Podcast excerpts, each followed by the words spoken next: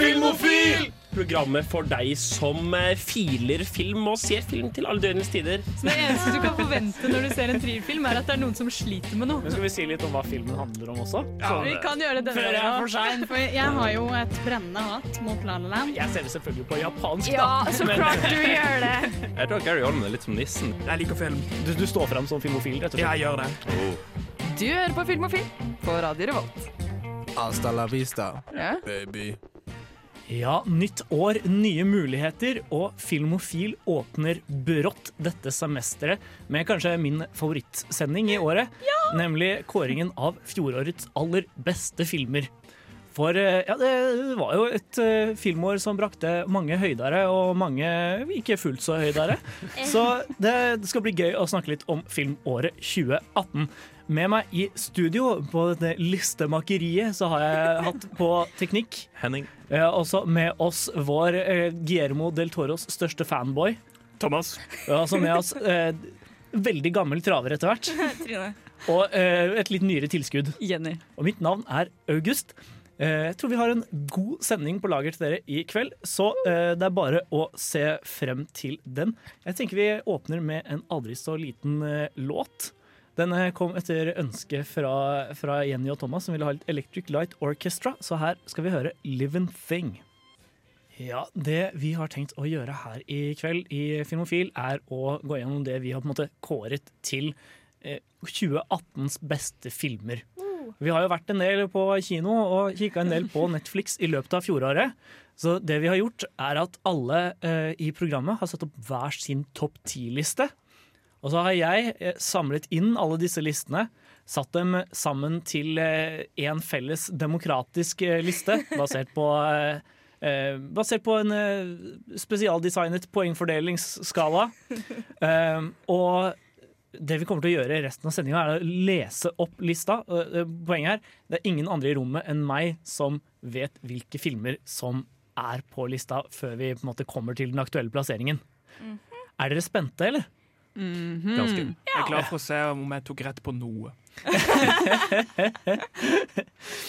Ja, det, det, kom noen, eh, det kom noen overraskelser for meg i, i år, i hvert fall. På den totale lista, altså. På den overordna lista. Ja, det er kult. Det, jeg, tror det, jeg tror det skal bli interessant å se. Mm. Og, og vi kan ta en sånn kjapp runde. Hva, hvordan syns dere filmåret sånn overall eh, var? Jeg, jeg må si at jeg syns det var litt skuffende. Eh, når jeg så over uh, kinotoppen eller hva det heter på uh, eh, Filmweb, så var det veldig mange filmer som jeg syntes var litt interessant, og som jeg husker jeg tenkte når jeg kom ut at ah, den kunne jeg ha tenkt meg å se, men ikke har gidda å se. At jeg gidder ikke bruke en hundrings liksom, på å se en film som er sånn ja, kanskje det. er- Det er sånne filmer jeg venter med Netflix til. på en måte, sant? Det er veldig mange sånne filmer som sikkert er bra, bare ikke helt gode nok. Det er ikke så mange slegere det året her, spør du meg. Veldig enig med Henning, men jeg føler vi må også må spesifisere at vi har jo mulighet til å Vi baserer filmene på de som har kommet i Norge i 2019. Og da, 2018. 18, ja. 2018, ja. uh, og der var det jo en del sånn filmer som kom ut sånn type 2017, som var Oscar-filmer, som har liksom sneket seg på, som er med det året. Og det var mye bra der. Uh, og så har det gått litt sånn opp og ned, og så hadde de jo selvfølgelig blockbusterne. Og så har det vært noen gøye i ny og ned. Det har vært litt sånn, det har vært opp og ned, som, som August begynte sendingen med. Eh, jeg vil nok eh, si meg enig med dere at det har vært et litt sånn ujevnt filmår. filmår. Det har ikke vært like mange sånn filmer jeg har som jeg sitter igjen med og liksom virkelig elsker, som det har vært noen år tidligere. Men jeg er samtidig liksom til slutt da, i løpet av julefilmen, nei, julefilm, juleferien så fikk jeg liksom sett nok filmer på kino til at jeg hadde en, liksom, en topp ti-liste jeg virkelig kunne stå for. da. Og der syns jeg faktisk det er veldig mange oppriktig gode filmer. Ja. Så det er liksom ikke det at det ikke har vært gode filmer, det er mer det at kanskje overall nivået har vært litt skuffende sammenligna med et par tidligere år. Ja. Og det, det er det jeg mente litt det siste jeg sa, var at jeg eh, La oss si at mange av de filmene her som jeg tenkte at de kunne være interessante, ikke sant? Eh, når de kommer på Netflix og sånn, så kan hende jeg ser de og tenkt ah, shit, den hadde selvfølgelig kommet på lista mi, ikke sant? Ja, Men jevnt over, ingen som var veldig imponerende, liksom. I hvert fall på første kast. Nei, det, det er nok helt riktig. Men eh, vi skal nå bevege oss eh, videre til en slags honorable mentions-seksjon. Men før vi gjør det, skal vi høre ABBA med Waterloo. Jeg hadde visst at vi hadde valgt eh, live-versjonen av Waterloo. Det var ikke intensjonen, men det var morsomt å høre allikevel. Spennende. Det var planlagt, bare lat som. Fake it to make it. Eh, eh, Ja, vi kan vel si det sånn også. Eh, Men vi skal nå bevege oss, eller gyve løs på liksom, introen til vår kåring av 2018 beste filmer. Eh, Men vi har jo alle lagd hver vår topp ti-liste. Og det var jo naturlig nok ikke alle filmene som kunne komme med på den kollektive topp tien. Dette er faktisk litt skummelt, for jeg er litt sånn redd for Er det noe jeg satt veldig høyt som ikke kommer med? For da, da blir jeg litt lei meg. Dette er, litt sånn, det- dette er den mest spennende, for det er sånn shit. Hvis den kommer, hvis den faller av, så er vi fucked. Eller Ja. er jeg fucked? Men hvis en uh, film du har ganske høyt oppe på lista, ikke kommer med, så får du den i et sånn herrestekk. Det er litt mer som en sant? funksjon til Du stekk. prate, du får prate litt om den allikevel. Bare bli sint og gå for at dere ikke vet hvor Kan vi, kan vi komme i gang, eller? Vi har ikke sånn kjempegod tid. Eh, Jeg tenker Vi kan begynne med deg her, rett og slett, Trine. Eh, Den filmen du hadde høyest plassert på lista, som ikke kom med, Tror det det, var Utøya 22. juli. Ja, jeg tenkte meg det. Mm. Jeg tenkte meg at den ikke kom til å komme i det hele tatt. Fordi det var, en, det var den største opplevelsen min på Kosmorama i fjor. Å se den filmen, det var helt sykt. Den var veldig bra laga og veldig Den var liksom respektfull da, for dem som var der. Det er jo, Jeg skal helt ærlig innrømme at det er en film jeg ikke har sett fordi at jeg er for redd for at den er for emosjonell for meg. liksom. Den har vært vanskelig å bedømme fordi jeg vet sånn, jeg har liksom ikke kunnet finne humøret til å sette meg ned og se den filmen. Nei. Det har vært en tung film å være sånn Nå skal jeg kose meg på Netflix med å se den. Det, det, Det er ikke den var- på Netflix. Nei, det er ikke det, men det har vært vanskelig liksom, å sette meg ned og se en sånn en film, for den er for tung. Men mye av det som har gått rundt den filmen, var jo det hele problemet. Er den, kommer den for tidlig, eller er det liksom nå perfekt timing for den? Hva, Ja. det, hva syns du med det? Jeg vet ikke, liksom for fordi? Den visninga jeg var på, så var det jo folk ifra som har vært med i AUF, liksom, og fortsatt er med i Arbeiderpartiet. Hun kjente jeg for så vidt også. hun var ikke på Utøya i det hele tatt. Men hun sa det at uh, det er kanskje Det er kanskje litt tidlig, Mm. men det er greit at det er en norsk regissør som tar seg av det. Og det er liksom norske folk som faktisk spiller i det. Og eh, det, det jeg syns er best med filmen, er at de viser ikke Breivik i det hele tatt. Han er, en, liksom, han er en skygge av og til, men du ser han ikke, og alt er jo nesten one shot. Så det er supergood. Ja, og på en måte skal vi være takknemlige for ja, Tenk på Fahrenheit uh, Nei, eh, United 93. Ja. Eh, den kom jo bare fem år etterpå, så altså, vi, skal egentlig, vi skal egentlig være takknemlige for at den kom så sent som den gjorde. Ja. Eh, men eh, jeg tenker vi beveger oss videre til deg, Thomas. OK, trommevirvel. Ja. Eh, filmen du hadde øverst på lista, men som ikke kom med, det var The Death of Stalin. Å, OK. Ja, den Det var en sånn Jeg synes det er litt rart at du ikke hadde den med, for det, var, det er en av de bedre komediene jeg har sett. Og den var fantastisk skrudd sammen. Den var morsom, den var bra filmer, den hadde fantastisk casting. Den hadde alle tingene for å bli en av de beste, hvis ikke den beste komedien i fjor. Det er veldig sant. Det kommer litt an på, da. For på meg så ble den litt sær. Jeg syns jo den var morsom, men den var litt, sånn litt for sær til at jeg Ja, men Kan du nevne min. noen andre komedier i år som har vært bedre? Nei, nei. Men fortsatt. Det kommer litt an på hvilken smak du har når det kommer til komedier. og det er sånne ting. Og ikke liksom historier og sånn Nei, historiedrama Nei. Og det er litt av problemet med en komedie er at det er sånn, hvis ikke det treffer liksom, En drama er alltid bra. Hvis komedien bommer, så er det ikke en bra film. Og det er vanskelig. Ja, jeg, jeg syns jeg syns det er veldig, et veldig fascinerende prosjekt. Ja. Den klarer på en måte å være tro mot historien samtidig som den fremhever hvor utrolig absurd den epo- epoken i russisk historie er. Eh, Men samtidig så nådde den nok ikke helt opp for meg sånn rent følelsesmessig. da. Det kan jo også ha noe med at jeg så den på pressevisning, og det er på en måte en notorisk dårlig sted å se komedier. Fordi- Du har ikke lov til å flire. Ja, ingen, ingen skal le, liksom. Men, eh, men eh, ja, for meg traff ikke den helt. Nei, den traff ikke helt til meg, men jeg så den jævlig syk på Kosmorama. Mm. Aldri se filmer syk på Kosmorama, folkens. Det funker ikke. Men det er i hvert fall en eh, morsom film som er verdt å sjekke ut. Og Ja. den er liksom, hvis den treffer, så treffer den gjengjeld veldig bra. Mm. hvil- hvilket den åpenbart gjorde i ditt tilfelle, Thomas. Jeg liker å ha det gøy.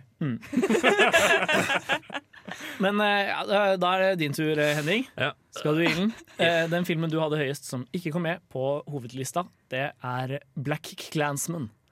Hæ? Seriøst? Å jøss, det var skikkelig Jeg overraskelse. jeg fikk ikke sett Wow. den, så jeg kunne liksom ikke Nei vel. Ja, ja vel. Black Clansman. Jeg er ganske frelst på Stan Nei, Spike Lee nå. Eh, Stanley. ikke Stanley. Jeg er litt fremst på Stanley òg. Eh, Black Clansman, den det er, eneste kritikken har mot han For det første, jeg syns han var veldig veldig artig. Uh, Historia var for så vidt godt gjort. Uh, Først og fremst var han bare veldig artig.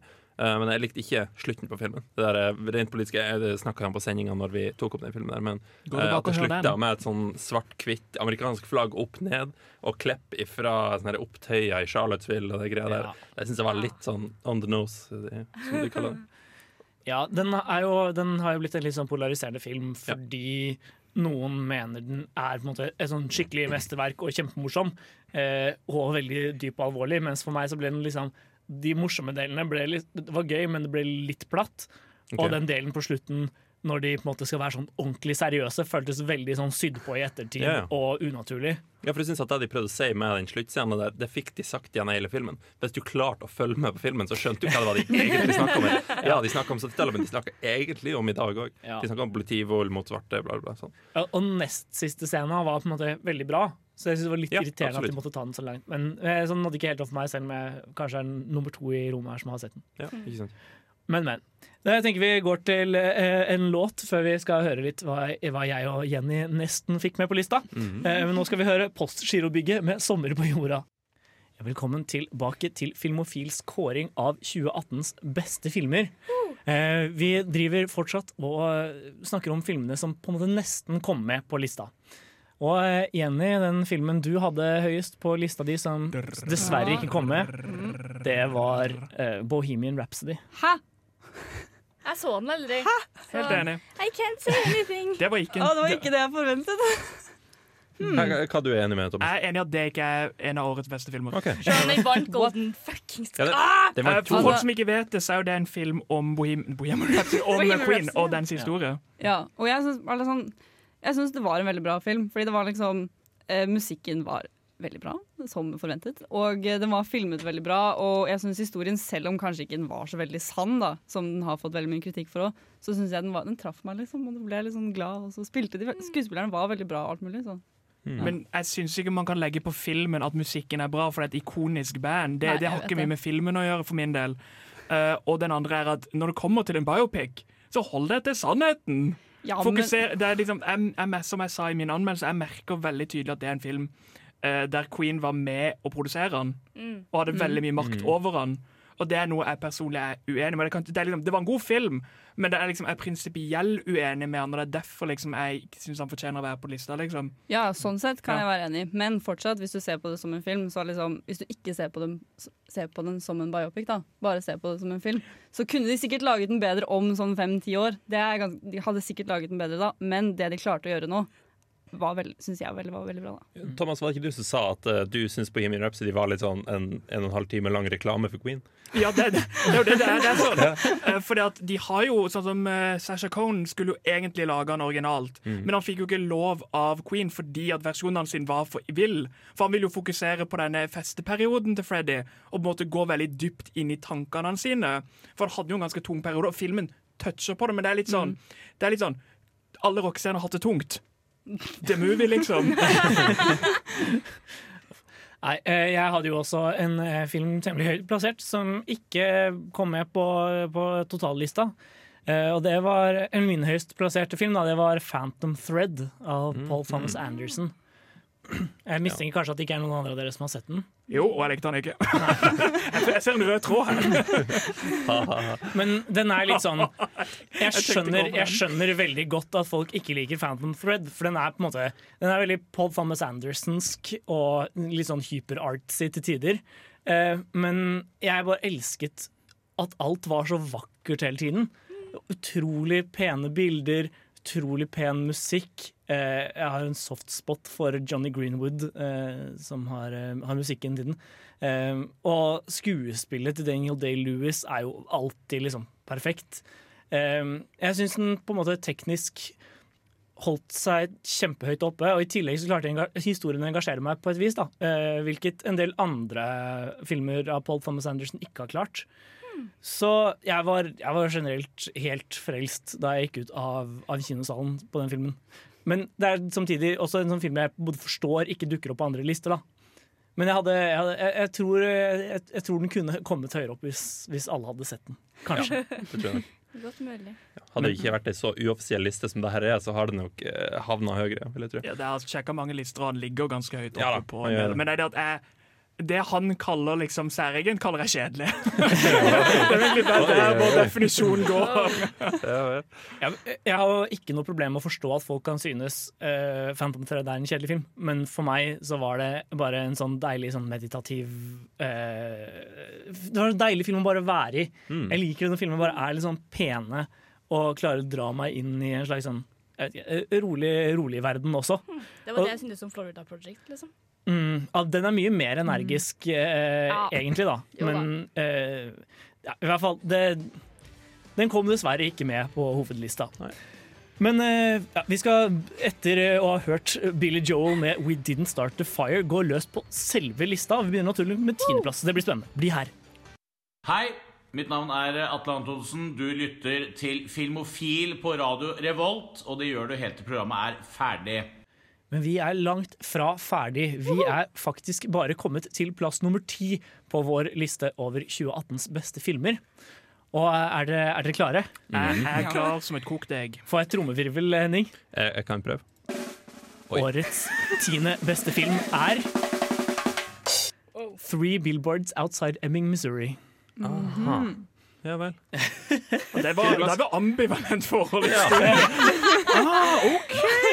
ok, jeg skjønner, jeg skjønner. Men det var jo en bra film, da. Det var en som fortjener jo fantastisk å god være film. på den listen her. Den fortjener si. veldig godt, og det har jo noe av det beste skrevet manuset på denne lista, vil jeg si. Det har jo desidert et av de beste manusene. Det er fantastisk godt skrevet, for det kan han regissøren. Han kan skrive. Mm, Det som overrasket meg veldig med filmen da jeg så den også, var at eh, jeg begynte å se den, og så plutselig det skjedde liksom ikke noe. Og så ble jeg litt sånn, skal det ikke skje noe snart? Og så sjekket jeg hvor jeg var i filmen, og så var jeg halvveis. Og så jeg skjønte ikke hvor tiden hadde gått. Og det at de klarte liksom å holde meg gjennom hele den delen uten at jeg liksom begynte å kjede meg, det ble jeg ganske imponert over. Ble du irritert med når jeg hadde sånn egentlig basically bitcha på deg en sånn et to måneder om å se deg en film, og så bare det skjer jo ingenting, og faen?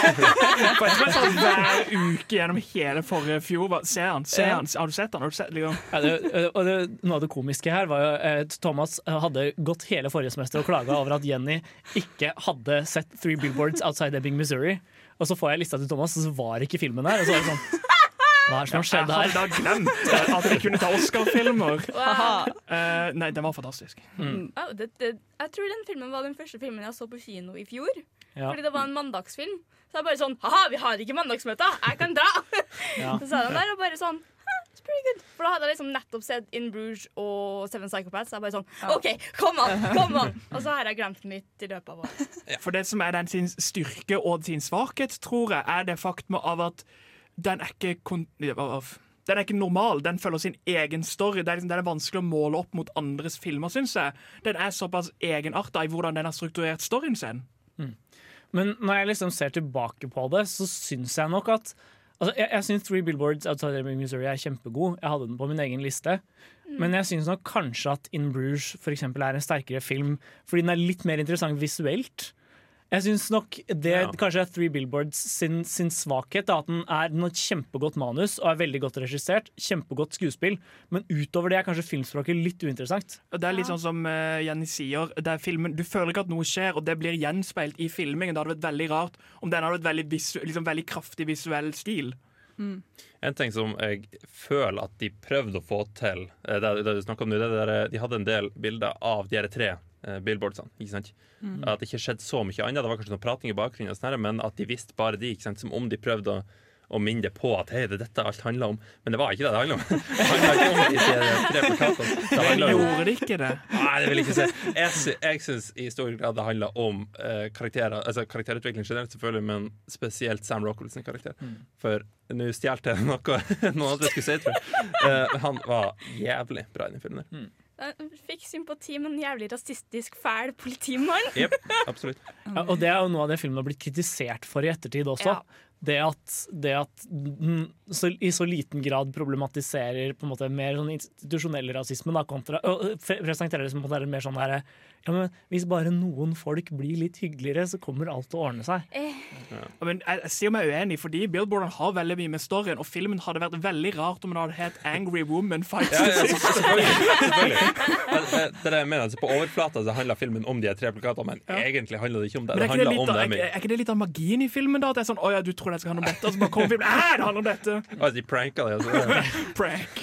Men det er i hvert fall ikke noe tvil om at eh, vi er veldig glad i Three Billboards outside Absolutt. Ebbing, Missouri. Ja. Absolutt. Men uh, viben i studio vitner om at det er litt, det er litt sånn tiendeplass. Men uh, nå skal vi høre en uh, låt. Dette er eh, nok en av Jenny sine favoritter. Vi skal høre Øystein Sunde med 'Shadowband'. Ja, Da har vi kommet videre til plass nummer ni på Filmofils kåring over 2018s beste filmer. Og eh, her kommer det en film jeg hadde nokså høyt på lista.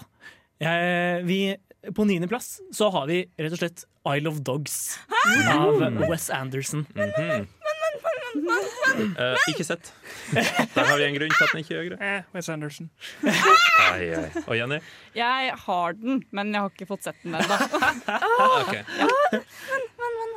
Ok, Så du har sett den, Thomas. Du bare likte den ikke? Nei, jeg, det er bare, jeg er ikke så stor fan av Wes. Liksom, han har en stil som du, du må like stilen, og det er litt sånn det er vanskelig å si hvilken film, for det er bare, det er bare han. Det er sånn, Wes har lagd en film, og det er, det er i seg selv ganske Hvor er Sunniva når jeg trenger henne? Men den filmen er jo helt herlig, da. Ja! Eh, altså Wes Anderson sin stil i, eller Han er kanskje den, det mennesket i historien som har på en måte mest konsistent stil på tvers av animasjon og live action. Mm. Eh, fordi live action-filmene hans virker sykt animerte, og animasjonsfilmene hans er nokså livaktige.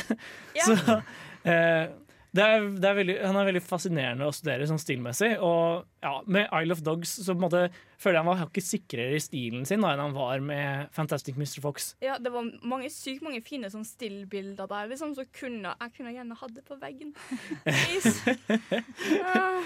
Og historien også om disse, eh, disse hundene på Trash Island og en unge Atari som skal prøve å finne igjen hunden sin Spots. Eh, det, er, det er veldig skjønt. Men gir du all denne rosen til Wes eller til filmen? For det er det som er mitt problem når det kommer til Wes. Folk attributer egentlig bare han som en fantastisk filmskaper istedenfor noe spesifikt til filmene. Jeg trivdes bedre med denne filmen enn jeg gjorde med de fleste andre dette året.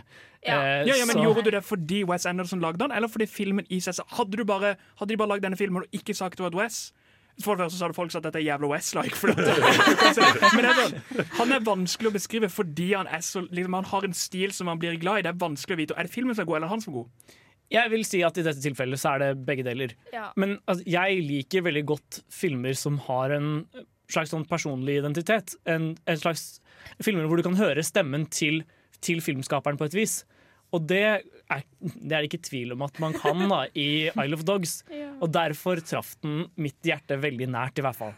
La meg bare En liten kommentar til det du sa i stad- Thomas. Hvis noen hadde sagt det her er ikke Wes Anderson, og så skrytt på Isle of Dogs, da hadde jeg blitt fornærma.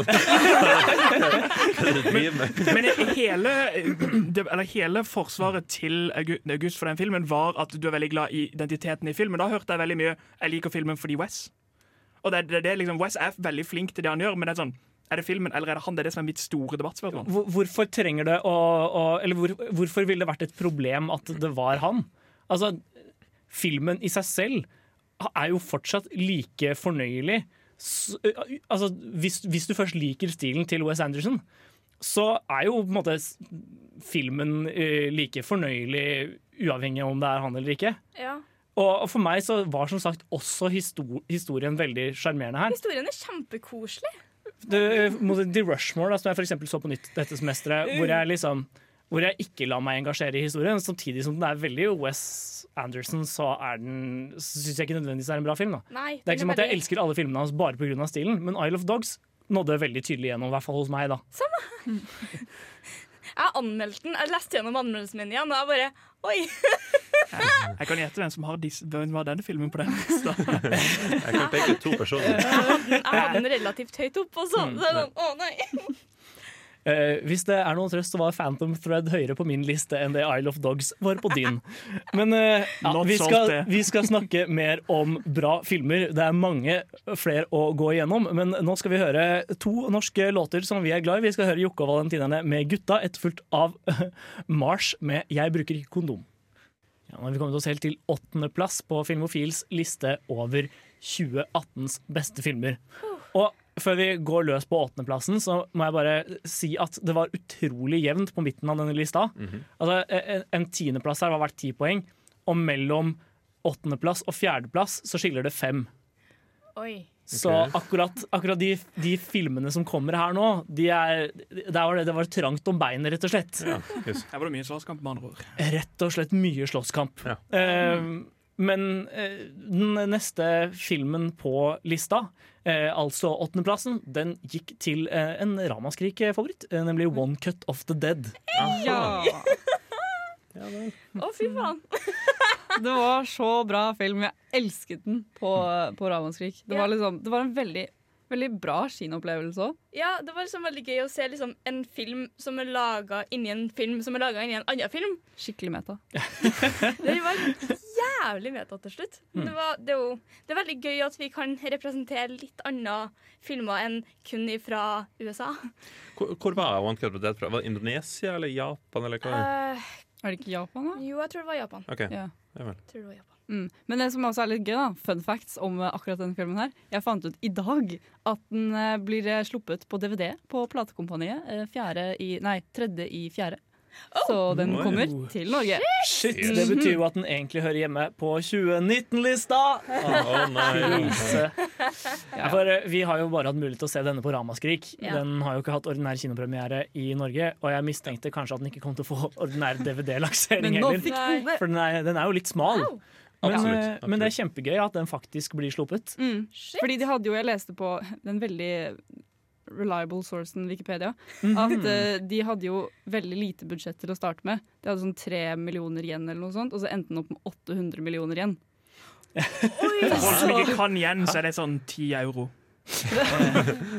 Seriøst? Ja, den Wow. tjente skikkelig bra. De, hadde liksom, de brukte nesten ikke noe penger på promotering heller. Nei. Og det er det som er så, jeg synes det er så fascinerende. For det, liksom, det, start, det starter jo som verdens mest lavbudsjett japanske Mhm. film, og du sitter der bare Mhm. Hæ?!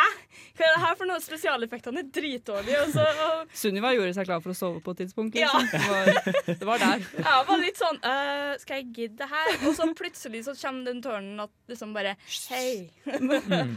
den, den, ja. Man må liksom vite minst mulig om den filmen her før man ser den. Det er det som gjør den også veldig veldig bra. Og ikke gå. Nei, ikke gjør det. Ikke gi opp de første tre kvarterene. Det, det tar seg opp etterpå. Det er vel den første halvtimen? Ja, noe sånt Det, noe. det, er en, det er en one cut-sekvens. Det er derfor den heter Mm. One cut of the dead. Ja. Så, ja. One, one cut zombiefilm som kanskje ikke gikk helt som man hadde tenkt. Ja. Eh, og så Og så er det også veldig gøy å se på dette one take. da For det er liksom På et tidspunkt så løper de, og så kommer det liksom blod på kamera. Og så ser man han som eh, løper med kamera. da Han tar liksom et lommetørkle ut og tørker vekk blodet på kamera, og så fortsetter de. Det Sånn. er veldig gøy. det er temmelig, temmelig lavbudsjett, med andre ord. Veldig Ja. lavbudsjett. Mm. Det kan ikke være bra for linsa å få blodet bare gnir litt utover. Sånn. nei, det er Det ikke så farlig. Nei, ikke sant. Det er et rar bilde på fargen. Nei, farge på bildet, men Bildet Ja, jeg, jeg gleder meg nå bare enda mer til å se den, kjenner jeg. Ja, Eh. I og med at jeg liksom får anledningen. Jeg tenkte etter Ramaskrik at å shit, nå er den filmen tapt for alltid. Du skulle var- ha trodd det. Ja, jeg, Ja. jeg så veldig for meg at det var det som kom til å skje. Men hvis den plutselig dukker opp på platekompaniet, så er det en- en en stor positiv overraskelse for meg. Litt sånn uh, nyttårs, nyttårsgave. Uff. Men ø, vi, vi skal ø, snart videre i sendingen og høre, høre om de andre liksom, tette plasseringene mellom, mellom fjerde og åttende. Eh, Det blir til og med en dobbel plassering etter hvert. Oi. Men før det skal vi høre 30 Seconds to Mars med Kings and Queens. Ja, da skal vi videre i programmet og snakke om sjuendeplassen på Filmofils kåring over 2018s beste filmer. Og på sjuendeplass finner vi trommevirvel.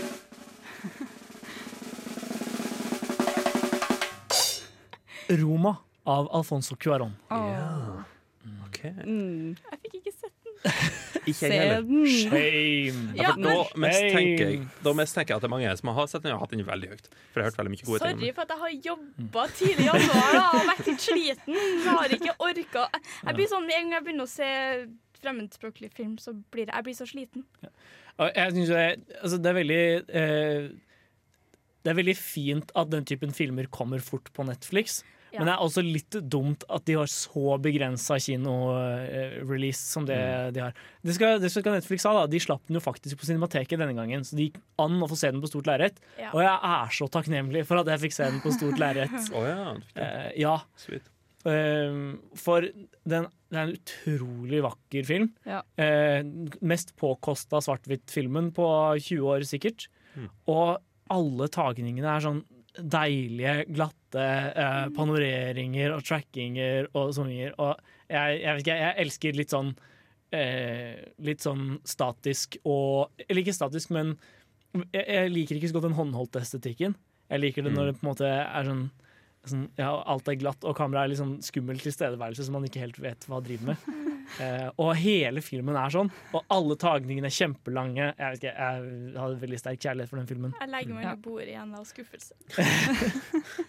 Men så var det jo også liksom historien òg, Mm, syns jeg var veldig fin. For det var liksom eh, De sa Det var ikke så mye replikker i den egentlig, men det var mest liksom bildene og bare sånn generelt stemningen man fikk fra, fra karakteren og sånn også, som sa veldig mye. Mm. Og det var liksom bare så, det var så fint.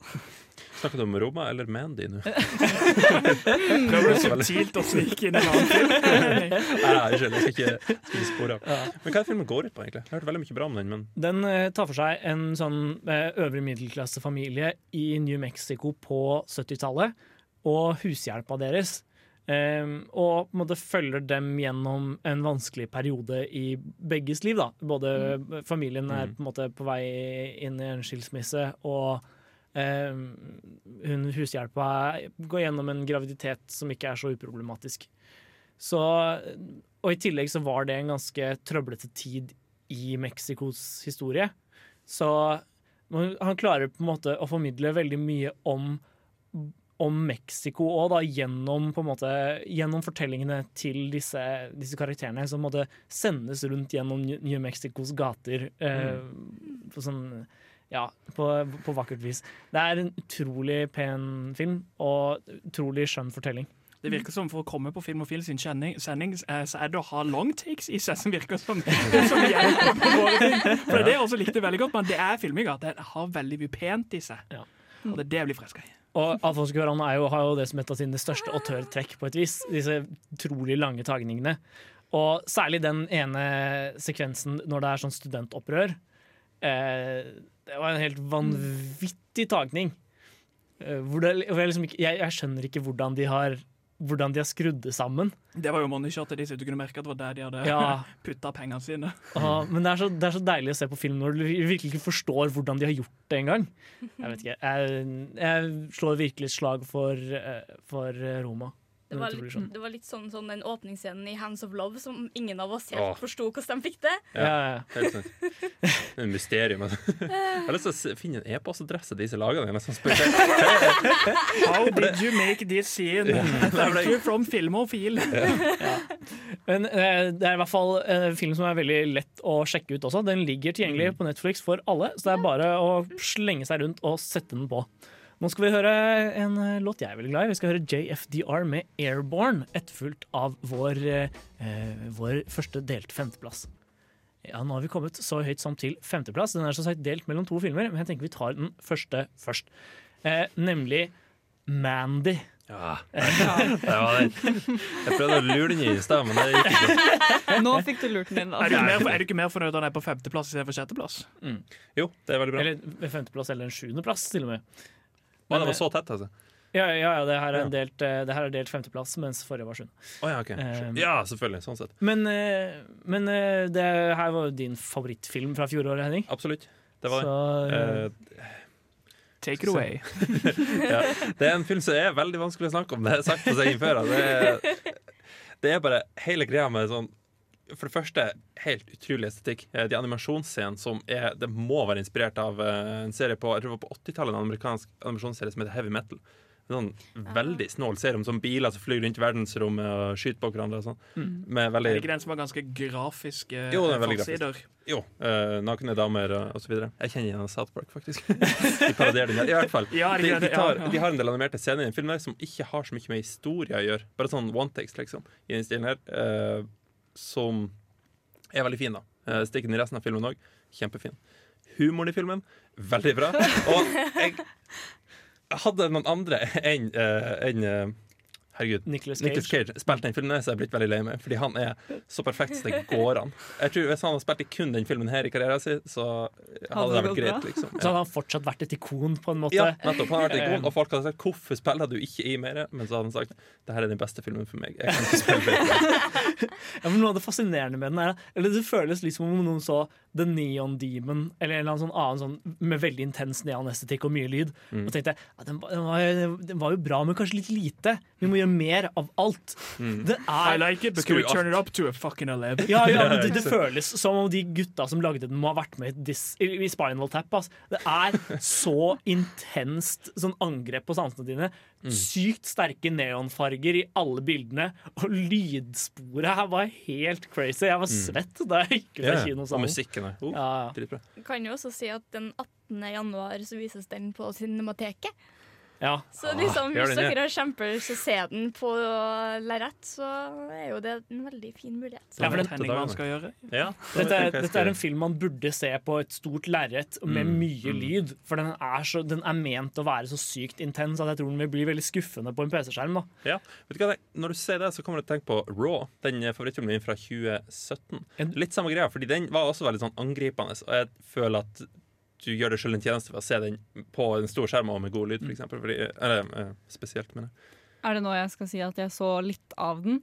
Og det jeg så, det likte jeg ikke så veldig godt. Mandy, eller? Mandy, ja. Ja, Okay. For, det Hva- liksom, for jeg, så, jeg så litt av starten, og så Mm. gikk jeg fordi det var egentlig pappa som satt og så på den.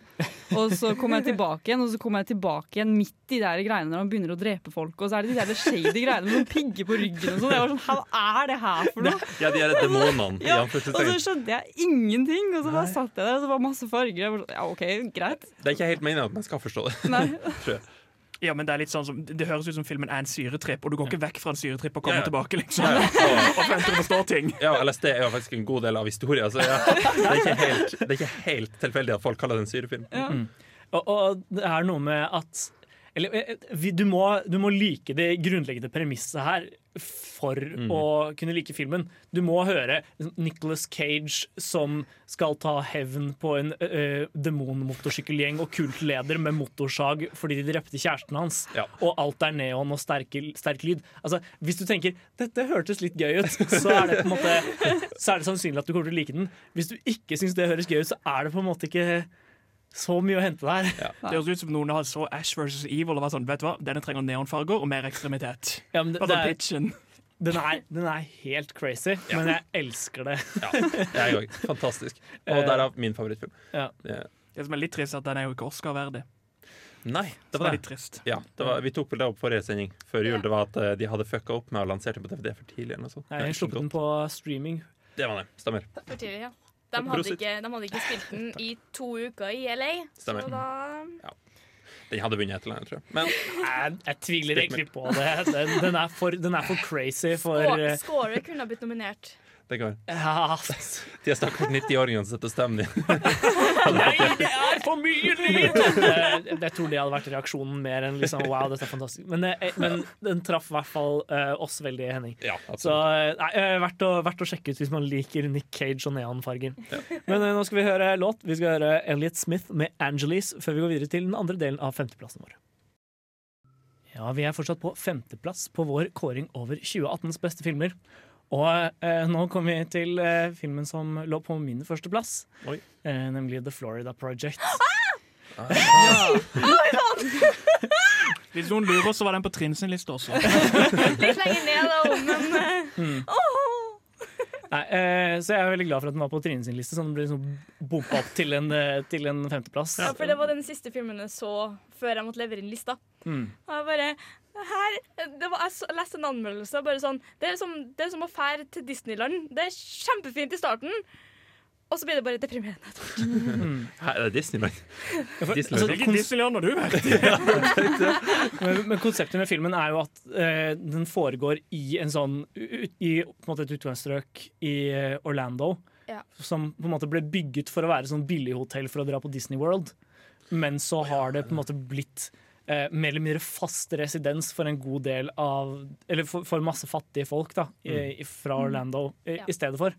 Så hver gang det kommer turister, så blir de helt sånn ah, Det her var ikke det vi signa opp for. um, så, Ja. Og det handler på en måte om ei lita jente som vokser opp der sammen med mora si. da Så sammenligninga med Disney World gir veldig mening, fordi altså, den klarer Den handler på en måte om skjebner i skyggen av Disney World. da Og alle, alle som skal på Disney World, blir på en måte ref Eller en slags sånn eh, ironisk stikk til skjebnen deres eh, hver- hver gang man, man ser dem.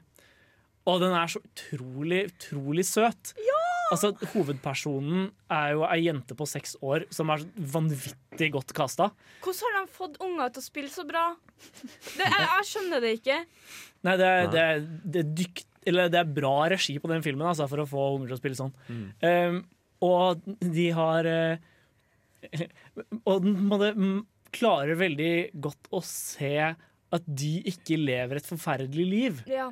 man ser at de egentlig trives kjempegodt i denne på en måte fargesprakende og liksom frodige uh, Miami Eller frodige og, og fargerike strøket i, i Miami Eller nei, i, i Orlando. Orlando. Men allikevel så ser du også på alle de voksne hvor de kommer til å ende opp. Og Ja. det er så deprimerende. Så når voksenverden på en måte begynner å komme inn i, i barneverden, da Det møtet mellom de to er så utrolig skjærende og, og, og, og ja, ekkelt. Det er så fint å se Willem Defoe spille noen som faktisk er litt koselig. Han er så søt! Han er så søt i den filmen. Det er, sånn, det er verdt å se det bare for å se koselig Willem Defoe. Men hver gang jeg ser en koselig Willem Defoe, så blir jeg sånn Ja, men faen, han her har noe på lur. Det er litt sånn som jeg så- Han er også med Aquaman. Jeg bare venta på at han skulle stabbe noen i ryggen. Liksom. Han, er, han er bare ond. Jeg satt litt sånn under Florida Project, jeg, men bare, han er bare koselig. Ja, han prøver så hardt, Ja. og du syns så synd på han fordi han settes i så utrolig vanskelige situasjon av de som bor der. Eh, og han blir på en måte den eneste farsfiguren også til disse små barna, for de er typisk Ja, de bor typisk med alenemødre, da. Ja, ok, for Jeg har ventet litt med å si det her nå, for jeg ville høre hva dere syntes var så bra med filmen. For jeg, Da jeg så den Jeg vet ikke helt hva som skjedde, men jeg, jeg, er liksom skikkelig sånn helt nøytral til denne filmen. Jeg vet ikke hvorfor. Jeg, liksom, jeg skjønner ikke hvorfor den er bra, men jeg skjønner også at den liksom, jeg skjønner, Eller jeg skjønner at den er bra, men jeg skjønner også at den er dårlig. Og så er det kjemperart. Jeg skjønner ikke hva jeg syns om denne filmen her, egentlig. Hva, hva er det det du ikke litt liker med den, da? Er det noe satt Eller er det bare liksom- følelsen? Eh, Jeg vet, jeg vet egentlig ikke. For jeg satt liksom gjennom hele første halvdel av så hatet jeg hun Moni så mye. Hun var så irriterende. Det er mora, altså. Nei, det er hun Nei, lille er Hun er skikkelig shitkid. Ja, skikkelig! Og jeg ble så sur. Og jeg satt der og bare sånn Og så under hele filmen så satt jeg og sånn Hvis dere bare hadde gjort dette, så hadde det blitt så mye bedre. Og når jeg sitter sånn til en film, så blir jeg litt sånn Nei. Men samtidig så ser jeg liksom at den er jo veldig fin. Og den er jo liksom Man får jo plutselig eh, Mot slutten så får man plutselig sympati for disse også. Og så blir det liksom sånn For, Ja. for disse, da, mener du ungene? Og de, og de voksne. Ja. Eh, Og jeg tror det er det som er Jeg tror det er litt det jeg mener med krasjet mellom, mellom de voksnes verden og barnas verden. Fordi du, du i, starten så sitter du her og irriterer deg over at barna er som de er, kanskje.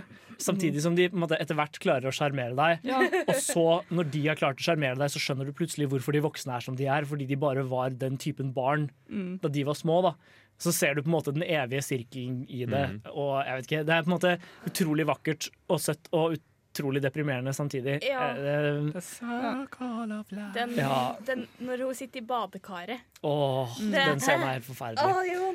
Men så Florida Project er i hvert fall en utrolig varm oppfordring fra, fra meg da, og, og Trine. uh, and now for something completely, completely different. Eh, Lincoln Park og JC med Numb Shash Encore. Nå har vi kommet så høyt som til fjerdeplass på Filmofils kåring over 2018s beste filmer. Og eh, på den plasseringen så finner vi nok en animasjonsfilm, nemlig Coco. Coco han er så Ja, da! Ja, dæven. Yes. Ja, det gjør vi. Det hører. Er det alle sammen der? Øy! Jeg likte den, jeg. Den Typisk var, Thomas. Nei. den var fantastisk. Jeg grein når jeg så den. Ja, det er same. Eh, Men jeg spør, hvor var det du grein? For jeg grein på slutten. Ja, jeg tror det var sånn rundt slutten. Ja. Eller når de er liksom når, eh, når de går opp på den svære scenen, liksom, og de skal liksom, familien kommer og skal prøve å sende han tilbake, og da begynte jeg å gråte. Å nei, jeg begynte å grine når han forsto hvem som faktisk var ja, det oldebarnet. jeg godt Når du ser da. at han synger til Coco, så er jeg bare Nei! Når For meg, for meg var det når bestemora knuste gitaren hans. Ah, bestemor. Nei, Så det overgå hverandre hvordan jeg begynte å grine her. For å være helt ærlig, det øyeblikket i den filmen hvor jeg var mest rørt, var da han eh, Begynte du ikke å grine? Da, nei, jo, faktisk ikke det, tror jeg. Men, men eh, da han gamle fyren i midten av filmen på en måte blir glemt da, av den siste personen, ja, ja. Ja. ja, det var trist. da, da tror jeg jeg ble mest rørt, faktisk. ja, faen, det er sant, det. Det var det ja. Det skjedde òg. Hva faen, eh, Pixar? Hva? Hvordan får dere det til? Gi følelser til ting, og så skal vi føle jævla mye. Og nå har de gitt følelser til de døde også. Og gode følelser. Alle skal ha følelser. Nå skal jeg komme med fun fact. Woho! Ok. Jeg har sett filmer med commentary track. og de har en, eh, de har en Shining-referanse inni der. De har, to set, de har liksom to røde trommer. Så liksom bare red rum. Red Drum. Ah. Det gjør vondt. Ja vel. Men, men jeg ser for meg at det er, en sånn, det er sånn motivasjon til å komme på jobb hver dag. Hvis du kan sitte der og animere scenen med red drums, Ja, så er det faktisk. Det er så er det liksom, du vet at ingen kommer til å legge merke til denne vitsen, men du kan le av det hver Ja. eneste gang. Men herregud, de der Pixar-folkene kan det med å animere. Det er, en sånn, det er en sånn film som du kan se fra du, er, liksom, fra du forstår filmen, til du dør. Det er veldig få filmer du kan, du kan sette på til en fireåring og en 94-åring, Ja, og de begge to kan kose seg. Jo. Ja, fun fact. Da jeg så den på kino, så var det en, en sånn kanskje ti år gammel jente som så den sammen med bestemoren sin. Det liksom, og begge to så som de koste seg. Liksom. Det er jo perfekt casting med tanke på at uh, han, gutten og liksom Coco, hva det egentlig handler om, så er det en perfekt aldersgruppe. Mhm. Ja, det er sant. Ja, for, eh, en ting jeg syns er veldig gøy å se Pixar gjøre igjen, da. Som jeg syns jeg har gjort mindre av de siste åra. Gi følelser til ting. Eh, nei, ikke det å gi følelser til ting, men det å ta opp veldig Eller stille veldig seriøse spørsmål i barnefilmer. Ja. Eh, og veldig viktige spørsmål. Sånn, ja, inside out, da. Hvorfor trenger vi tristhet? Det er, liksom- det er ikke et lett spørsmål å stille til et barn. Men så klarer de å snakke om det på en veldig fornuftig måte. Ja. Og her snakker de ikke bare om døden. Nei, nei. De snakker om hva vil det fundamentalt si å bli glemt? Ja. Og det er egentlig en mye mer, depri det er en mer deprimerende tanke enn døden, egentlig. Ja, ja. Og dette sitter de og skal snakke til små barn om, som på en måte er så langt unna døden. da. Jeg syns det, synes det er imponerende at de tør å ta tak i en sånn problemstilling. Og jeg, jeg beundrer de for det, for jo mer vi ser film, jo mer blockbusters som kommer ut, jo mer fjerner vi oss fra seriøse temaer. Så det er veldig gøy at det liksom et barneanimasjonsstudio er de som liksom tar opp seriøse temaer. Og jeg vil jo slenge med Laika i samme slengen. da. Ja. De er også, men, men de, er, de er også gode på det å liksom stille alvorlige spørsmål i barnefilm. Men det er, det er gøy å se at det er liksom store animasjonsselskaper som fortsatt tør å liksom, ja, lage litt sånn ordentlig film da, som Trenger handler ikke å om være noe. mainstream. Men jeg tenkte merke til det når jeg sa den, det var at de tok liksom ikke noen snarveier. Det var ingenting hvor du tenkte at eh, her måtte de bare gå videre til neste punkt av filmen. på en måte. Sånn, altså, helt til slutten, Han spiller den sangen for oldemora si. for. Det er kjempetrist, ikke sant? men da husker hun ikke sant? Da husker hun faren sin. Og det er faktisk noe som er ekte. Det der med at eh, gamle folk, Jeg har sett en video av folk på gamlehjem sånn som blir spilt sanger som de likte veldig godt når de var i 20-30-årene sine. Og da plutselig våkna de opp, selv om de, er hei, altså de har Alzheimers fra ja, et eller annet sted. Jeg, husker da oldemora mi på 100-årsdagen hennes, Mm. så huska hun knapt søstrene sine. Men Mm. da folk begynte å synge Fedrelandssalmen, da stemte hun i av full hals. Ja, ja, ja. Det er et eller annet med musikk. Ja, det, det, det er på en måte lagra i en annen del av hjernen. da. Mm, Man kan plutselig finne det opp igjen. Og når Pixar klarer å treffe en ordentlig bra musikksang, da vet du at de har gjort det jævla bra. Så eh, det, det vitner om et sterkt år for animasjon da, når vi har eh, allerede to animerte filmer på lista. Men eh, nå skal vi høre en låt til. Vi skal høre Chromeo med Juice, etterfulgt av en liten pause. Og så Topp tre. For et program i burra med både klasse og stil. Du hører på Ja, og i Filmofil så kårer vi i kveld 2018s beste filmer.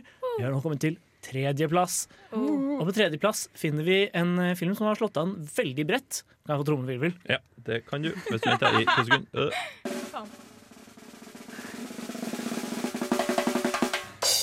A Star Is Born. Ja! Yeah! Der ser du. Yay, nice. ikke alle reagert. Jeg har trynet reagert. Hvem andre som har sett den? Bare ja, det på det. Ja, du har sett den? August? Eh, nei. Nei, Thomas? Jeg ser bare Ja, 1950-tallsversjonen. Originalversjon. Unnskyld meg, Thomas, men originalen er faktisk fra 30-tallet. Faen! Om Lady Gaga vinner en Oscar, så blir jeg sur. Ja, vet du hva, det syns jeg ikke for. Jeg synes det var en veldig, veldig fin film, veldig sjarmerende og sånn, men fortjener hun noen priser? Nei. Jeg vet ikke. Det var liksom overraskende. Det, det var en veldig bra film. Jeg tenker bare Bradley Cooper, det første regi, det, regidebuten hans. Jeg bare sånn Du kan komme deg steder som regissør også, du. Ja da. Det er Ja. Men det var liksom, for jeg tenkte på det jeg, kom, jeg følte meg veldig smart da jeg kom på det. Fordi hvis vi hadde liksom bytta ut Lady Gaga med sånn Christina Aguilera, så hadde det blitt en mye bedre film, syns jeg i hvert fall. Føler jeg. Tenk, bare tenk på det, fordi Lady Gaga når hun smiler Hun smiler ikke! Hun ser jo så fake ut når hun, bare, når hun ler og smiler og sånn. Så var jeg sånn det var, ja, Det er litt sånn, vet ja, og det, eneste, det var det eneste jeg tenkte på gjennom hele filmen. Og, Så- men så hvis vi hadde byttet ut Lady Gaga med Christina Aguilera, som også kan skuespille Den ene lille problemen du hadde, var en hovedskuespiller. Det var det lille My tiny bit is like the main actor. Da må, da må historien være bra, da. Antar jeg. Ja, Ja. Det vil si. Altså, for, for det første eh, Vi kan gå noe fort igjen hva det er for noe. Bradley Cooper er ei rockestjerne som har holdt på i kanskje 20-30 år. Er ganske utkjørt. Veldig sliten fyr. Um, og så ser han en gang i publikum Han, han ser i hvert fall Lady Gaga. Nei, glem det. Han møtte henne på en bar en gang Ja. hvor hun sang. En sånn liten lokal bar. Ikke sant? Ser han synger, og så tenker han hun der hun har kanskje det som skal til for å bli skikkelig stor. Jeg har lyst til å hjelpe henne å bli. Altså, jeg ser om hun har det som skal til. Ikke sant? Ah, så, kid, you got what we want. ja, han, han er ikke sånn, han er ikke sånn uh, rovdyraktig, liksom. Nei, rådyraktig. Han han blir ikke- liksom litt inspirert av henne, kan man kanskje ja, si. ja, men Ja, han, jeg, jeg tror kanskje han ser det han så i seg sjøl før 20 år siden, når han starta. Mm. At hvis vi gir henne her en liten dytt nå, så kan hun bli skikkelig stor. Og så tester han henne litt, uh, og da ser han at ja, hun har absolutt det som skal til. Men er dette litt sånn Er denne litt uh, Hvordan skal jeg forklare det? Um, er det litt sånn Rose Glasses-film, at alt liksom er supert, og de, de, de tråkker ikke i noe av de, de skitne delene med å bli kjendis? Om de gjør, om de gjør Thomas. De gjør Ja, det gjør de. really mm. Ja, de gjør det. Jeg tar det som en kanskje. en sterk kanskje. jeg, satt, jeg, satt, jeg vurderte jo egentlig å se den her på pressevisning etter First Man, fordi Mm. de, gikk på samme, de gikk på samme tid. Så jeg liksom tenkte at ja, ja, jeg kan jo egentlig se den, men så hadde vi et ramaskrik intervju. Jeg er veldig glad for at jeg ikke så den her på pressevisning, for jeg kom til å være den eneste der som har hylskreket som en liten baby. For fy faen, det er lenge siden jeg grener så mye av en film. Jeg forestiller meg han fra Adressa sitter og hylgriner på bakken. Du, jeg så Manchester by the Sea med folk ikke på pressevisning. Ingen grein. Jeg hørte ikke et pip. De er stein, altså de er iskalde folkene som jobber i eh, forskjellige, forskjellige medier. Nei, Bortsett fra oss, vi er veldig profesjonelle. absolutt. Satt og grein under Black Panther. He just wanna be loved! Jeg, jeg må si at jeg gren også en bitte liten tåre på slutten. Jeg var veldig, veldig trist. Mm. Single tears med renner. Steinansikt. Det, det må sies at det er veldig veldig bra kjemi da, mellom Bradley Cooper og Lady Gaga. Det Ja, og hun er også veldig veldig flink til å synge. da Ja, Ja. og musikken Da- generelt. Bradley er Cooper bra. veldig kult. Og du kan faktisk tro at han var rockestjerne. Det skal godt gjøres å spille rockestjerne uten at du har egentlig framført noe musikk i hele ditt liv. Ja. Imponerende. altså. Ja, det, det, var, det var jo ingen som på en måte hørte Bradley Cooper skal regissere film med seg selv og Lady Gaga og tenkte dette blir bra. Så det at den har slått an så hardt som den har gjort, er jo, eh, er jo et testament til dens kvaliteter i seg selv. Ja. tenker jeg. Men uh, nå skal vi høre en eh, tidligere filmofil favoritt, nemlig The Press Now med Mr. Big, før vi skal føre andreplassen på lista. Ja, det, det, er, det er tydeligvis ikke som man, man skal tro når han kaller seg Mr. Big. Men uh, beats. Det er det jeg går for. Men i hvert fall, vi har kommet oss til andreplass på årets kåring av eh, 2018s beste filmer. Eh, og eh, ja, det, dette er en eh, film jeg tror mange i rommet har gledet seg til å snakke om. Det er nemlig The Ama Nei, uh, Spiderman Into the Spider-Verse. Yeah! Fuck you, man! Nå holdt jeg på å si The Amazing Spiderman. Det var veldig feil. Veldig, ingen, veldig feil. Den har ingen gleda seg til. For, for en gangs skyld har de fått til Spiderman. De får ikke til Spiderman i live action. Bare hold dere til tegnefilm! Og alt du trenger is a black guy. Nei, den er jo fantastisk, den filmen. Den er animasjonen og storyen, og det var veldig gøy å se at de valgte å angripe Spiderman-mythoen fra en annen vinkel enn Peter Parker-vinkelen. For at. Spiderman-universet er veldig mye større, og det er veldig kult at de valgte å fokusere på Miles Morales, som en, har vært en del av comic book law ganske lenge nå. Og det er veldig gøy å se at de faktisk velger å fokusere på en minoritet, som er jo veldig lite i superheltverden, men å faktisk lage en så fantastisk, som jeg vil kalle nesten kompromissløs eh, film innenfor superheltsjangeren. For Black Panther var jo ganske normal når det kom til det, en superheltfilm, Mm. mens denne her var veldig seg selv.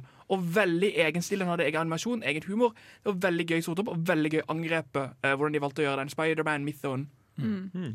Jeg tror Det var litt kjipt da vi så den på kino, Henning, for jeg tror vi så 3D-versjonen av filmen bare uten 3D-briller. nei, det er sånn han er. Det er Han er, sånn for tingen er, han er designet for å se ut på hvordan de gamle, gamle tegnebokarkene ble discolored fra tid til annen. Så det er et artistisk valg de faktisk gjorde. Det var sånn dette er noe vi vil for at det skal ligne på comic book-stripsene, istedenfor bare å se ut som alt annen animasjon. Og sånn tenkte jeg også. Jeg bare, faen, har jeg glemt briller? Ja. Men etter hvert så begynner du å glemme det, og i hvert fall for meg så ble det en det var gøy å se at istedenfor bare å gjøre stop motion eller gjøre vanlig animasjon, eller 3D-animasjon, så gikk de for både en ny rute. Så det var jævla kult å se. Ja, det var faktisk skikkelig kult også. Jeg husker jeg så traileren, og så var jeg sånn jeg var ikke så, Jeg var ikke så imponert, liksom. Eller jeg syntes ikke det virket så bra. Og så var jeg liksom sånn fem minutter inn i filmen, så var jeg sånn OK, jeg elsker dette her så mye. Det var sånn, ja, det var, det var skikkelig bra film. Og eh, folkens, eh, dere snakka om Nicholas Cage, men her er han sin beste rolle som eh, Peter B. Uh, Peter B. Parker. Noir Som Noir. Spider-Noir. Ja, I like to er make the match burn, do I feel something? Det var Nicholas Cage, og det var en sånn Nicholas Cage-rolle at det er fantastisk! Jeg syns et av hjertene som klipper den filmen der er når han der, Nicholas Cage, altså sånn eh, B. Parker, når han uh, uh, rett etter uh, Bitte liten spoiler. Onkelen til vår Spiderman dør. Kanskje ikke en overraskelse, men uh, de andre Spidermanene går bort til han og sier at hei, du, vi, kjenner, vi, kjenner, vi vet hvordan det er. ikke sant? Min onkel Ben eh, min, min onkel Ben død, og så kommer han der uh, 20-talls Spiderman og sier 'min onkel Benjamin'. Det, er så, det så enkelt, så billig vits. ikke sant? Dritbra. Elsker det. En annen ting som var veldig artig, som jeg faktisk er svært imponert over at vi fikk til, det var memes. Vi klarte å få inn sånn helt vanlige sånn, eh, det er 60 Spiderman bare, Ja. bare googlet og finne ut hva det er for noe. De fikk til å ha uh, i hvert fall ei hel scene med det der. Kjempeartig. Det Sånn var jo end credit-scenen. ja, det var det. Eh, I eh, Black Panther så prøvde de å få med en sånn Ja. memes, altså popkultur. ikke sant? What are those-greier. Utrolig tåpelig. Ja. Men her har de faktisk klart det. Jeg elsker det. For jeg gikk jo ikke bare på pressevi eller førvisninger, jeg gikk jo på eh, liksom, normalpremiere og førpremiere, for så bra var han. Det er den beste Spiderman-filmen jeg har sett, fordi at han var emosjonell. Han var ekstremt morsom, han var nyskapende, det var ikke noe remake. Han var bare fantastisk på alle måter. Jeg har lyst til å se en superheltfilm være. Ja, Var den emosjonell? Det Ja, for, ja. for det, mange av scenene de snakker liksom om det at han ikke klarer å være det, han er redd for å være det. Og hele, han, hele filmen handler jo basically om alle kan være en superhelt. Alle kan okay. være den viktigste. Sånn som de scenene når Peter dør, er jo fantastisk. Han bare Everyone could be behind the mask. She's talking to me. I think it's a metaphor. Liksom, Den blander humor og følelser veldig bra for meg. Ok. Og så var det jo selvfølgelig mm, den roboten, da. Når, eh, det var jo også veldig, veldig trist. Ok, Jeg tror det som tok meg mest, var Det var um, en hedring til Stanley. Ok, og det, ja, det, det trenger vi ikke å snakke om. It always fits. no refunds. Ja! Men, eh, men eh, dere tre som elsker denne veldig høyt, åpenbart. Dere har et nært forhold til Spiderman fra før av også? Jeg har det, Jeg har forhold til, til liksom filmene og animasjonsseriene, men jeg leser aldri komikeren. Nå er du inne på noe, August. Ja, for jeg, for jeg, jeg merker at som, som litt Jeg har på en måte ikke noe forhold til Spiderman fra før av, egentlig. Men også for meg så tror jeg en del av de sånn, in-jokesene gikk veldig over hodet på meg. Eh, og, og jeg ble mer distrahert av den animasjonsstilen enn jeg elsket den. Eh, så så for, måte, for meg ble det litt stang ut, men jeg skjønner veldig godt at på en måte, det er forfriskende å se en Spiderman-film som på en måte faktisk er veldig Spiderman. De gjør narr av Spiderman 3. Det er helt greit at dere gjør narr av Spiderman 3. Og jeg ville ha Spiderman. Crispus-albumet. Eller Spiderman Crispus-albumet! Spider-Bells, Spider Bells. Ah, fantastisk. Det ligger på Spotify, Thomas. Hvorfor har vi ikke den her? It's rude point fingers! Men eh, nei, eh, nå har vi kommet oss videre til førsteplassen snart. Men før det skal vi høre Danny Elfman med This Is Halloween. Ja, dere fikk dere litt A 'Nightmare Before Christmas', 'After Christmas'. Det ble liksom én tegnefilm til den andre. Ja. Men eh, nå skal vi opp til selveste førsteplassen på vår kåring over 2018s beste filmer. Vil du ha trommevirvel? Ja. Og ikke Thomas igjen. The Shape of Water. Overraskelse. Guillermos fanboy nummer én er tydelig fornøyd. Jeg sier bare gå tilbake og høre på Film og chill-sendinga. Nei, dette var vel min nummer én-film. Nei, jeg trodde det var din siste. Jeg. Eh, dere kan ikke se det, men jeg rekker fingeren til. Nei, den er jo bare fantastisk. Og jeg har jo på en måte gauka over når vi hadde Oscarsendingen, og den endte jo opp med å være liksom, Oscar-filmen, den som vant Ja. The Best Picture. Og jeg syns den er så ekstremt fortjent. Den var også min nummer én. Ja. Men den har hengt igjen etter Ramaskrik. da Mm. Så så jeg den igjen, liksom, og bare sånn Oh my god. Ja, for den, den så vi faktisk i slutten av 2017. Det begynner å bli ganske lenge siden. Ja. Rart. Ja, fuck det. Nei, den er bare godt eh, Det som er jo så fancy, jeg kan ta den samme pitchen som jeg nesten hadde på Oscarscenen, og det er jo det at alt i den filmen er gjennomtenkt og godt gjort.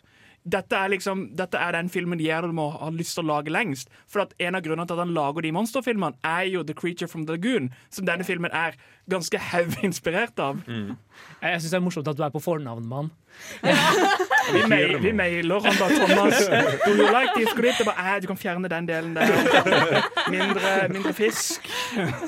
What do you think about men det, det er jo, Jeg elsker den filmen. Det er jo jeg vil si det er en av hans sine beste sammen med Pans.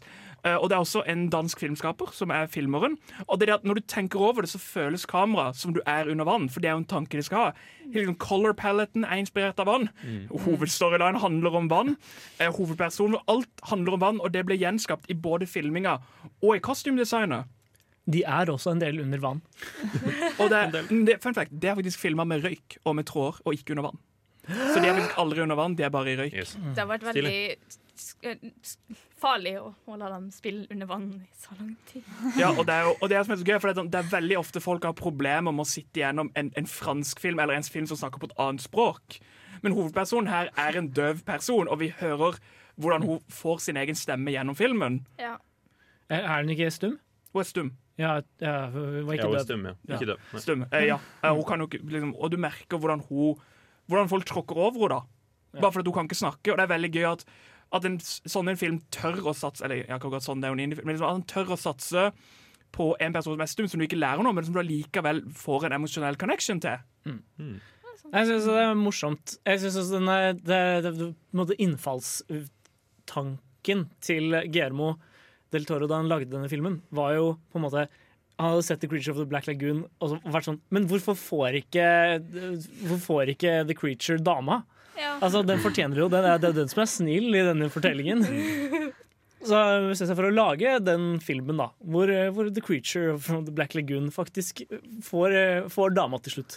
Og dette må jeg si, altså, dette var jo noe han tenkte på da han var sånn fem til tolv år gammel. Liksom, så dette er en tanke, det er ikke, liksom, dette er ikke noe han så liksom, i fjor og var sånn eh, dette var en god idé. Dette er, liksom, dette er filmen han hadde lyst til å lage så lenge han har drevet med film. Ja. Det var ikke et profesjonelt move liksom, å lage. Nei. Det var bare det han hadde lyst Og jeg syns det er veldig kult at vi faktisk velger å belønne han for det, men det er jo basically hver gang han gjør noe liksom eget, og spesielt det er da vi belønner det, og så gjør han noe litt sånn mainstream, så jeg får liksom sånn eh, Gå tilbake to being weird, bro. Hæ, jeg elsker mainstream-greiene til Del Toro. Eh, den- Pacific Pacific- Rim er jo men- det beste Ja, men igjen, du har jo de der sånn, sånn subpar-skrekkfilmene han lagde.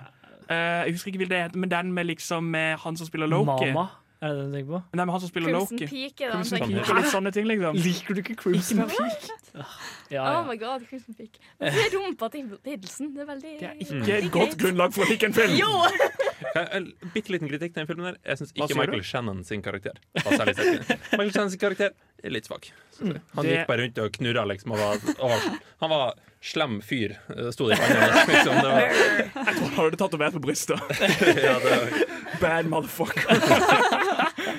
Åh, nei, men det er i hvert fall en veldig godt likt film, og Ja. den endte på hele to førsteplasser, så det var bare vel, det var rett og rimelig at den skulle komme på toppen av vår liste også. Nå skal vi høre en eh, sang som kanskje ikke kommer på noen topplister. Eh, Vi skal høre Gwen Stefani featuring Eve med Rich Girl, før vi tar et kjapt farvel. Ja, nå har vi eh, oppsummert filmåret 2018 og konkludert med at The Shape of Water var, eh, var den beste filmen. Kan få seal of approval, eller? Ja, kan vi gi den en seal Ja, of approval? Ja, det skal vi få til. Filmofil seal of approval. Det var på tide. Da kan jeg slutte. Da er jeg ferdig. Men, vi ta eh, av to? Men uh, i hvert fall, uh, hvis dere har lyst til å høre hele lista på noe nytt, så er det bare å sjekke oss ut på Radio Rolt slash programmer slash filmofil, eller i din favorittpodkast-app, hva nå enn det skulle være. Neste uke skal vi snakke om M. Night Shyamalan i anledning Glass. Så uh, ukas hjemmelekse blir Science. Se den til neste gang. En synet syn av Mel Gibson. Uh, Inntil da så er det vel bare å takke for oss. Med meg i studio i dag så har jeg hatt på teknikk. Henning. Vi har også hatt med oss Guillermos fanboy nummer én, som virkelig har fått være fanboy i dag. Thomas. Vi har også hatt med oss eh, Guillermos fangirl nummer to, kanskje. eh, i, Ikke helt, men Trine. ja. Og så har vi hatt med oss eh, vårt nyeste tilskudd. Jenny. Og mitt navn er August. Og vi tar opp nye, så Yep. kast deg rundt og legg inn en søknad på samfunnet.no slash opptak. Yep. Eh, så kan du kanskje få min plass i fremtiden. Nå skal vi høre eh, vår favorittlåt fra forrige høst på Radio Rolt, nemlig Doja Cat med Moo.